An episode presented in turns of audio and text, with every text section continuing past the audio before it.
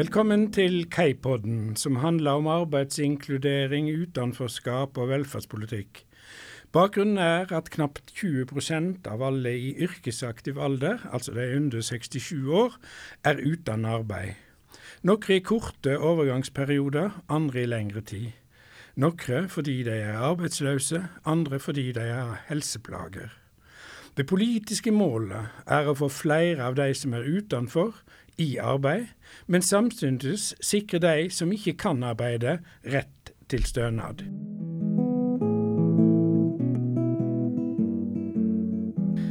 I dag skal vi snakke om Nav, denne komplekse institusjonen som ble etablert for å ta hånd om disse politiske målene.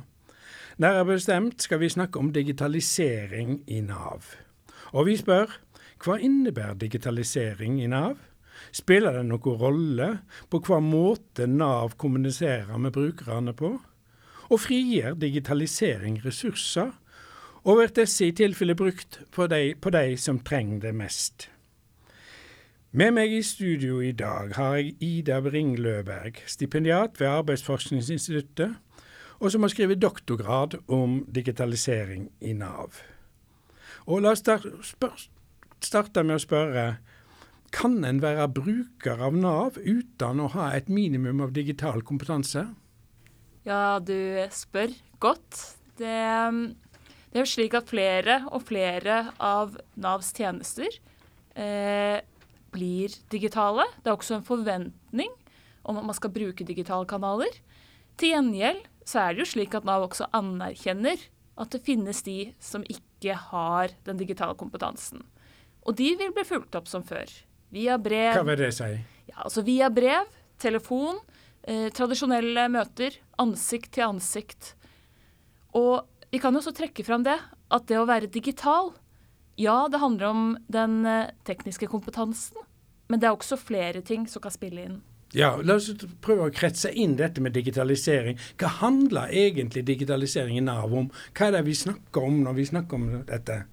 Ja, altså Om du og jeg skulle ha gått på Nav nå, så ville vi hatt flere muligheter for å kommunisere digitalt. F.eks. via en chat. Under korona fikk du også videosamtaler. Eh, det er til og med chatboter. Vi eh, kan også gjøre en del ting selv. Vi kan f.eks. søke om ytelser. Eh, vi kan finne informasjon på nav.no. Så på mange måter så blir en del av oppgavene veilederne hadde før, outsourcet til brukerne. Ja.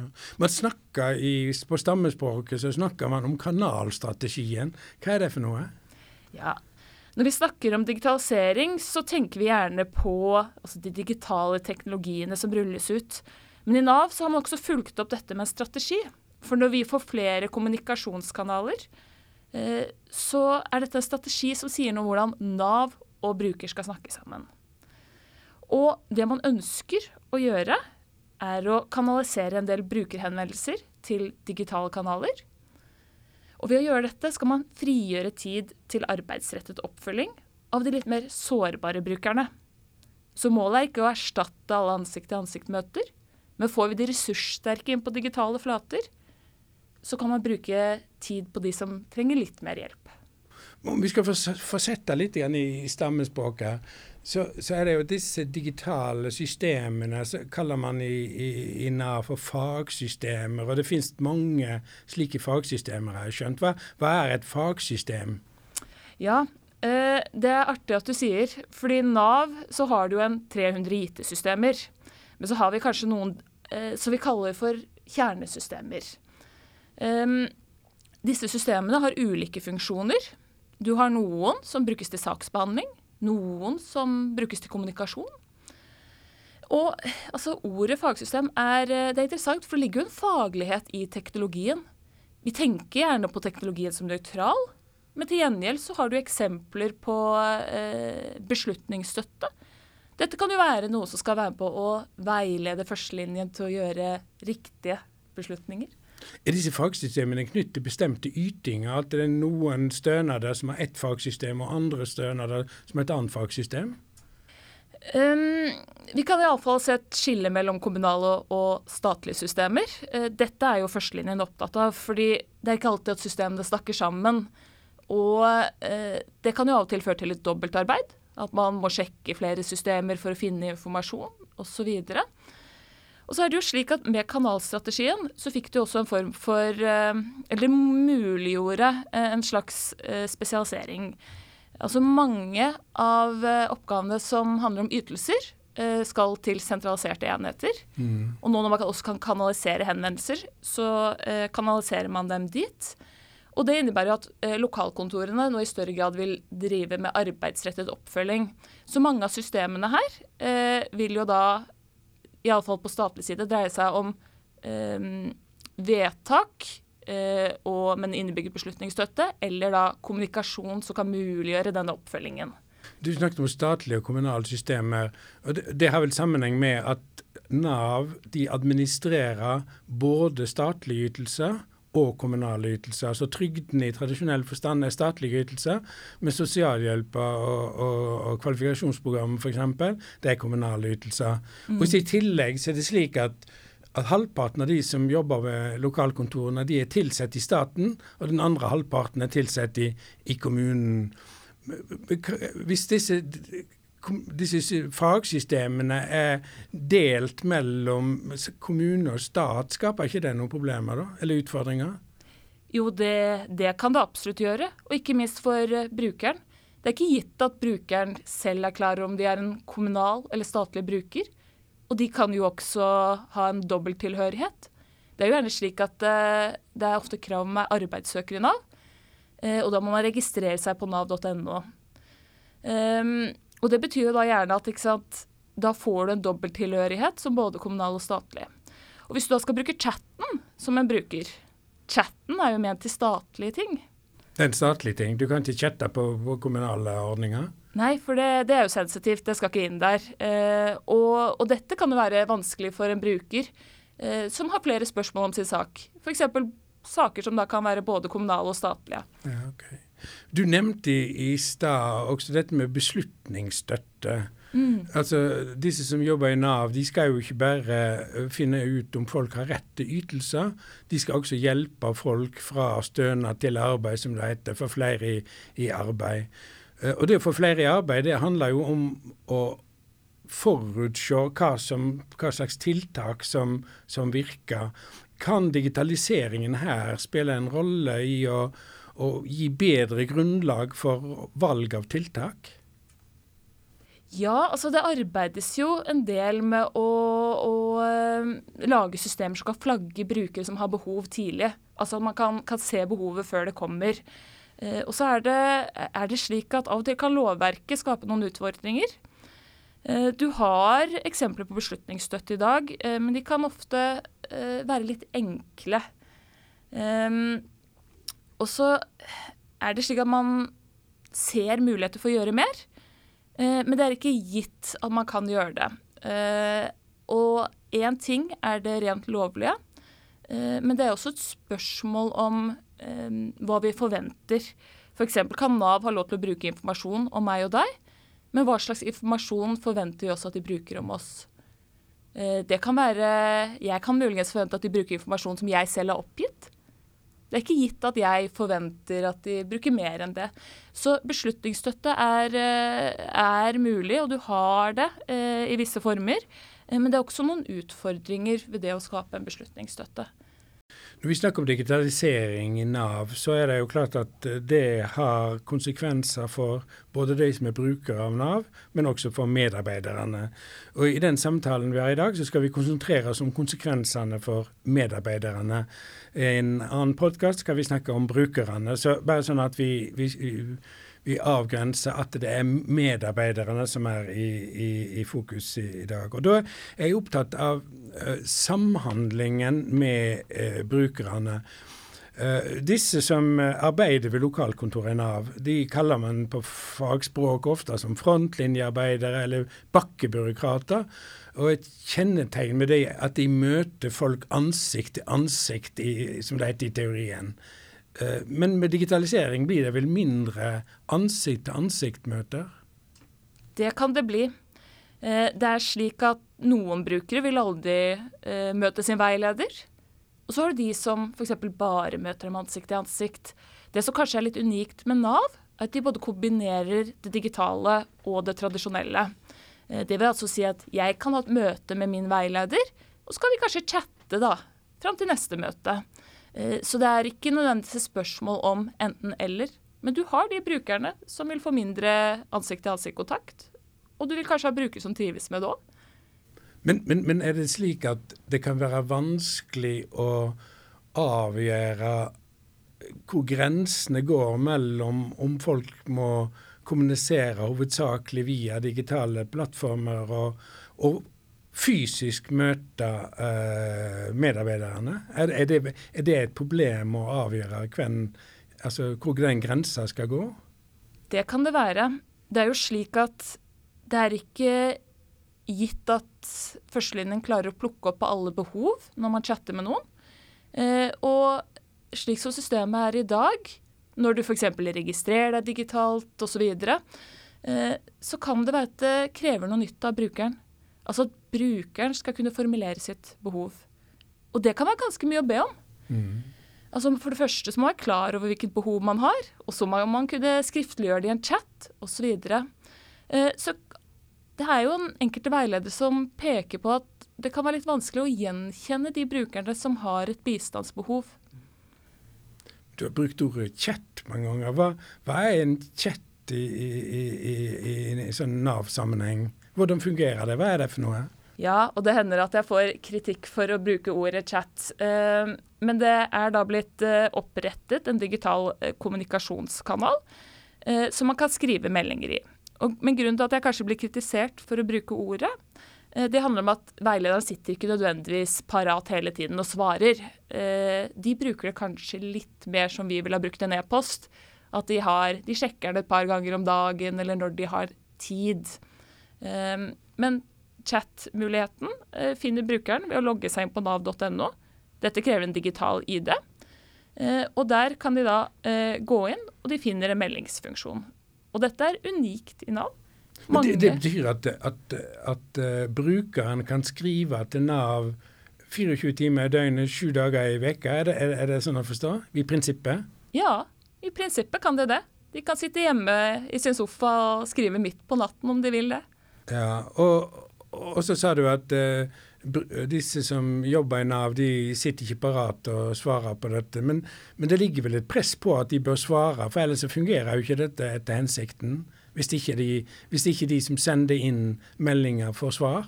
Ja, De skal i utgangspunktet få svar i løpet av to døgn. Og det er en, på en måte en slags tommelfingerregel? Er det en rettighet, eller hva er det for noe? Um, ja, Det spørs litt hvem man spør. Eh, veilederne mener at, eh, at, det er et krav om det. Eh, jeg snakket med andre som, eh, som eh, mente at det ikke var et krav om det. Eh, men i førstelinjen så ser vi at mange opererer etter 48-timersregelen. Men, men, hvis dette er en ny kanal inn, dette er jo et nytt tilbud fra Nav til brukerne som skal håndteres. Det må jo ta noe tid å, å, å besvare disse e-postene eller disse chatmeldingene også? Ja, det kan det gjøre. Og ikke minst så kan det skape litt merarbeid. Det er jo slik at uh, vi som bruker e-post, kanskje kan gjenkjenne dette til, til en viss grad. Uh, det kan være effektivt for meg å sende en e-post ut, uh, men det er ikke gitt at det er så effektivt å være tilgjengelig for alle andre. Det at du får aktive brukere i chatten, det kan jo generere en viss eh, arbeidsmengde her. Eh, så det kan være tidkrevende. Og så kan det av og til være litt vanskelig å svare i chatten. For det er slik at man skriftliggjør arbeidet sitt, og det kan være litt sårbart. Veilederne er redde for denne copy-paste-funksjonen av og til. At det de skriver skal deles på Facebook, eh, til journalister osv. Ja, så har, har brukeren anledning til å dele de svarene som veilederne skriver uh, på andre kanaler eller uten, utenfor Nav-systemet? Ja, altså Det er jo ikke en øh, delfunksjon på nav.no, men, øh, men, det er jo klart at, at, når de får meldingene, så kan de jo kopiere dem sånn som du og jeg kunne ha gjort på en hvilken som helst nettside. At vi markerer teksten og tar den med ut, og så limer den over i, i sosiale medier. Jeg har lyst til å vri litt inn på noe litt annet. Altså, Når man digitaliserer, så må jo det også øh, gjøre noe med måten informasjonen man samler inn, blir strukturert på, og, og i hva grad man på en måte Det må påvirke kartleggingsarbeidet i en eller annen, en eller annen forstand. Uh, hva slags utfordringer ligger det i, i, i, dette for de som jobber ved Nav-kontorene? Ja, det kan du gjøre. Ofte så er det jo slik at de digitale kanalene ikke er like rike på informasjon som det det tradisjonelle møtet ville vært. Uh, og noe av det jeg ser når førstelinjen skal forsøke å kartlegge en, en brukersituasjon, er at brukerframstillingen blir mer fragmentert. Altså Utgangspunktet her er jo en bruker med en unik livshistorie. Uh, men ta registrering på nav.no, som er en enkel kartlegging av brukerens situasjon. Så må brukeren svare på et par enkle spørsmål med standardiserte svar. Og da får vi en ny brukerframstilling som er ganske enkel. Brukeren er enten i arbeid eller ikke, mm. syk eller frisk, har andre problemer med å søke jobb eller ikke.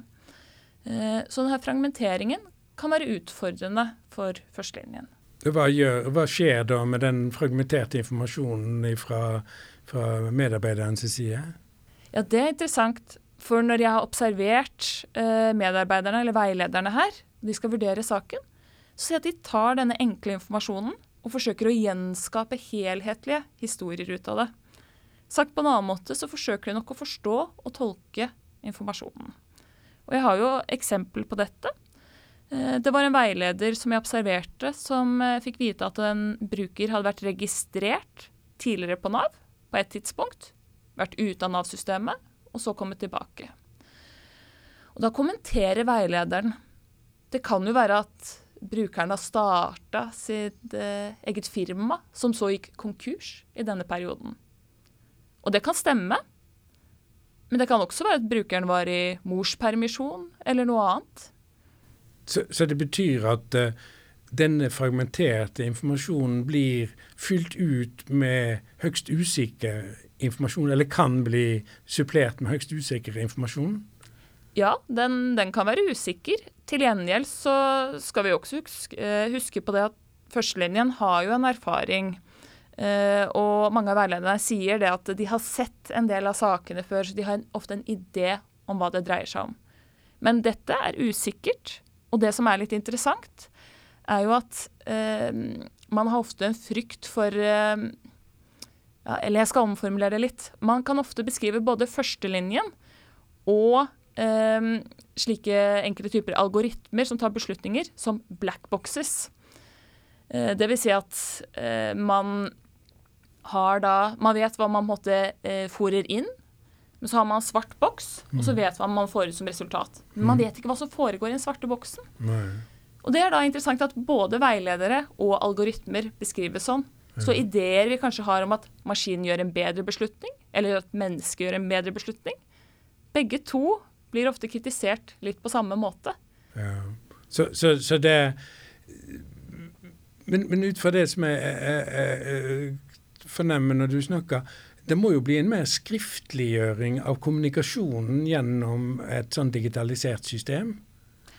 Ja. Um, veiledere skal skriftliggjøre sitt arbeid, også det tradisjonelle. De skal skrive referater fra telefonsamtaler, fra vanlige møter.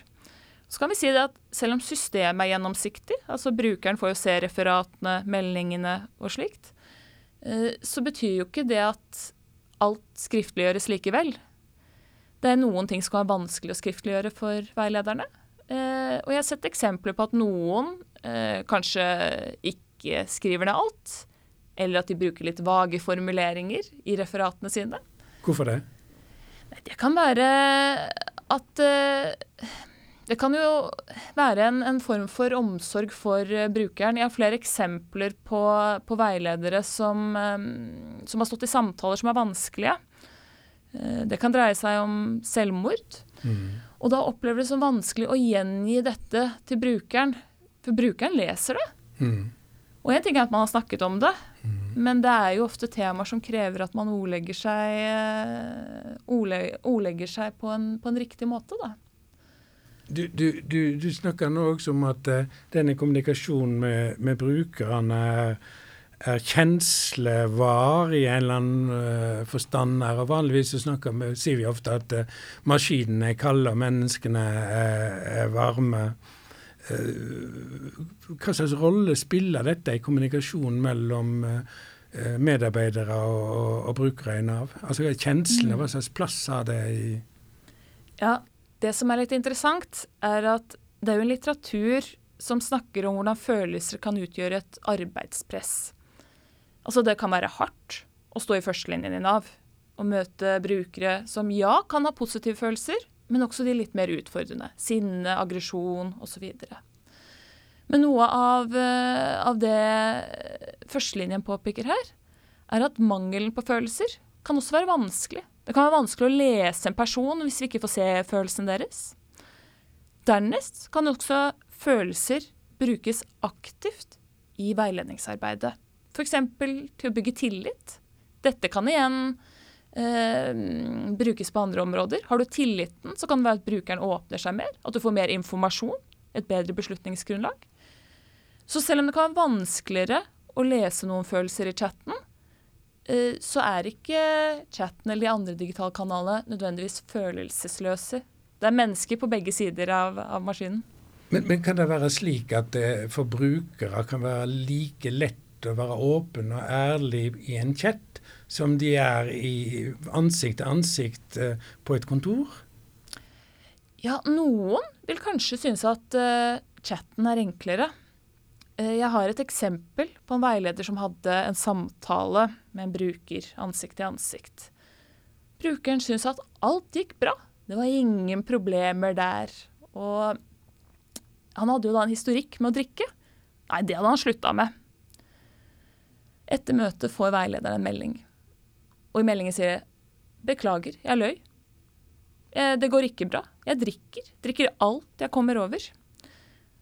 For noen så kan altså chatten være litt enklere, og veiledere trekker fram de med sosial angst. Noen opplever også et stigma ved å gå på Nav. Så for noen vil det være det. For andre vil det tradisjonelle møtet kanskje være enklere å uttrykke seg. Denne digitaliseringa, det eh, må vel påvirke arbeidet i, på Nav-kontorene på en ganske fundamental måte.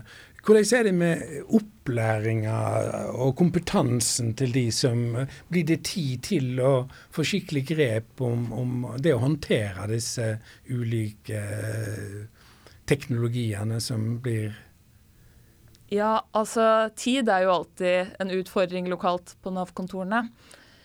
Og så skal vi huske på det. Vi tenker gjerne på digitalisering som eh, altså en teknologisk endring. Men skal vi også ikke glemme at det innebærer også en sosial endring. Og det de kanskje får opplæring i, er jo å bruke systemene, altså det rent tekniske. Men flere av veilederne jeg har pratet med, etterspør eh, en mer eh, faglig opplæring. OK, jeg vet hvordan jeg bruker en chat, men jeg vet ikke nødvendigvis hvordan jeg skal veilede digitalt. Så, så, men, men disse, disse, digitale løsningene de blir jo ikke utvikla ved det enkelte kontor. De blir vel utvikla en eller annen i det, Arbeids- og velferdsdirektorat eller, eller noe sånt. ting, Og så blir de rulla ut på, på, en eller annen måte. Betyr det at, eh, at eh, med den sosiale sida og faglige sida at ikke man i tilstrekkelig grad tematiserer hva slags faglige implikasjoner teknologien har? Er det det du sier? Ja, og det um, Det er jo ganske interessant da, at um, utviklingen nå um, Altså Før hadde du noen systemer som var ferdig laget, gitt til Nav, og som man lærte seg og man nærmest strukturerte arbeidshverdagen sin etter. Nå så har du begynt å se eh, det at det skal være en kontinuerlig utvikling, en kontinuerlig forbedring i disse systemene. Og dette kan jo også være noe som er med på å utfordre førstelinjen. Altså at du må kontinuerlig holde deg oppdatert på de, alle de nye funksjonene. Så i tillegg da, til at de etterspør denne delen med faglighet, eh, så kan det også være at man trenger litt mer kontinuerlig opplæring på det tekniske her. Men er det slik at disse som, altså de som jobber i Nav, har jo litt ulike utdanningsbakgrunner. Men en del av de, og en stor gruppe, er sosialarbeidere. Betyr dette at uh, sosialarbeiderutdanningene har tatt inn over seg at arbeidsbetingelsene, de faglige arbeidsbetingelsene i Nav har forandra seg, og at dette er blitt, som du nå tar opp, er blitt et tema i utdanningene? Ja, det har begynt å bli et tema i utdanningene. Men så har vi jo også en del som jobber i Nav, da, som tok uh, utdanningen sin for noen år siden. Mm. Og er trent i ansikt-til-ansikt-samtalen. Mm. Uh, og de trenger kanskje litt påfyll mm. uh, på, på, digital veiledningskompetanse. Hvis du nå skulle svare på om denne digitaliseringen har bidratt til å effektivisere kontorene, for det er vel en av formålene med det. Har det det? Ja, det er jo ideen om effektivisering, den, den står veldig sterkt innenfor digitaliseringen. Eh, bare kanalstrategien, den skal jo frigjøre tid. Jeg har sett på chatten her, og det kan virke som om den kanskje ikke er så effektiv som vi skulle trodd.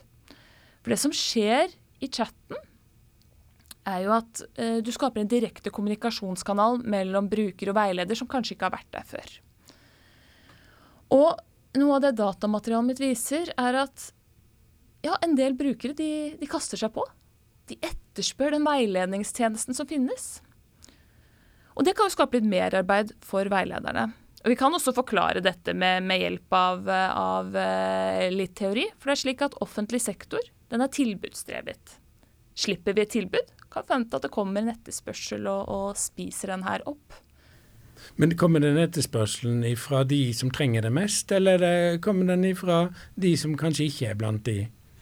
Ikke nødvendigvis. Det er jo slik at ja, en del veiledere trekker fram at de som skriker høyest, eh, er ikke alltid de som har det største hjelpebehovet. Du skal være ganske ressurssterk for å skrike høyt. Det er det ikke alle som klarer. Og der er jo chatten eh, kan jo være med på å ta litt oppmerksomhet. For alle kan skrive inn. Jeg kan skrive inn mange meldinger til Nav og forvente å få svar på disse i løpet av de 48 timene. Men det er ikke sikkert at jeg trenger hjelpen mest. Men, men, men i den grad at uh, det har vært en viss effektivisering, vil du si at den effektiviseringen først og fremst har kommet de som Altså, Er det brukerne som først og fremst får glede av det, eller skaper det bedre arbeidsvilkår for de ansatte? Eller eh, hvor, er det den effektiviseringen i tilfelle kommer til uttrykk? Ja, for det er jo litt interessant. Fordi eh, dette hviler jo på noen antagelser om at for det første teknologien skal frigjøre tid, men dernest at du kan flytte den rundt. Eh, og jeg har sett noen eksempler på at frigjort tid ikke nødvendigvis kan flyttes så lett til de sårbare brukerne. Av og til så har man en del andre oppgaver som ligger og venter, og hvis du har en liten lomme med tid, så bruker du den der. Det kan være saksbehandling eller andre ting. Eh, så det er ikke gitt at det er så lett eh, å flytte den rundt. Veilederne virker imidlertid ganske fornøyd med digitaliseringen. En veileder beskrev jo som at det var en hallelujastemning på kontoret rundt dette. Men én ting er effektivitet og tilfredse medarbeidere. Men fører det til bedre kvalitet i arbeidet? Det kan gjøre det.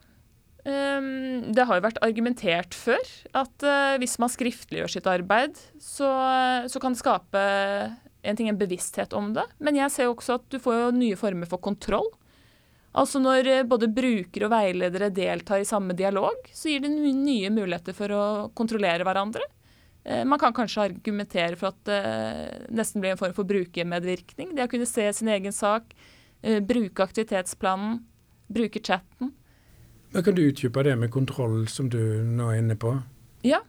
Eh, det er jo slik at brukerne de, de kan f.eks.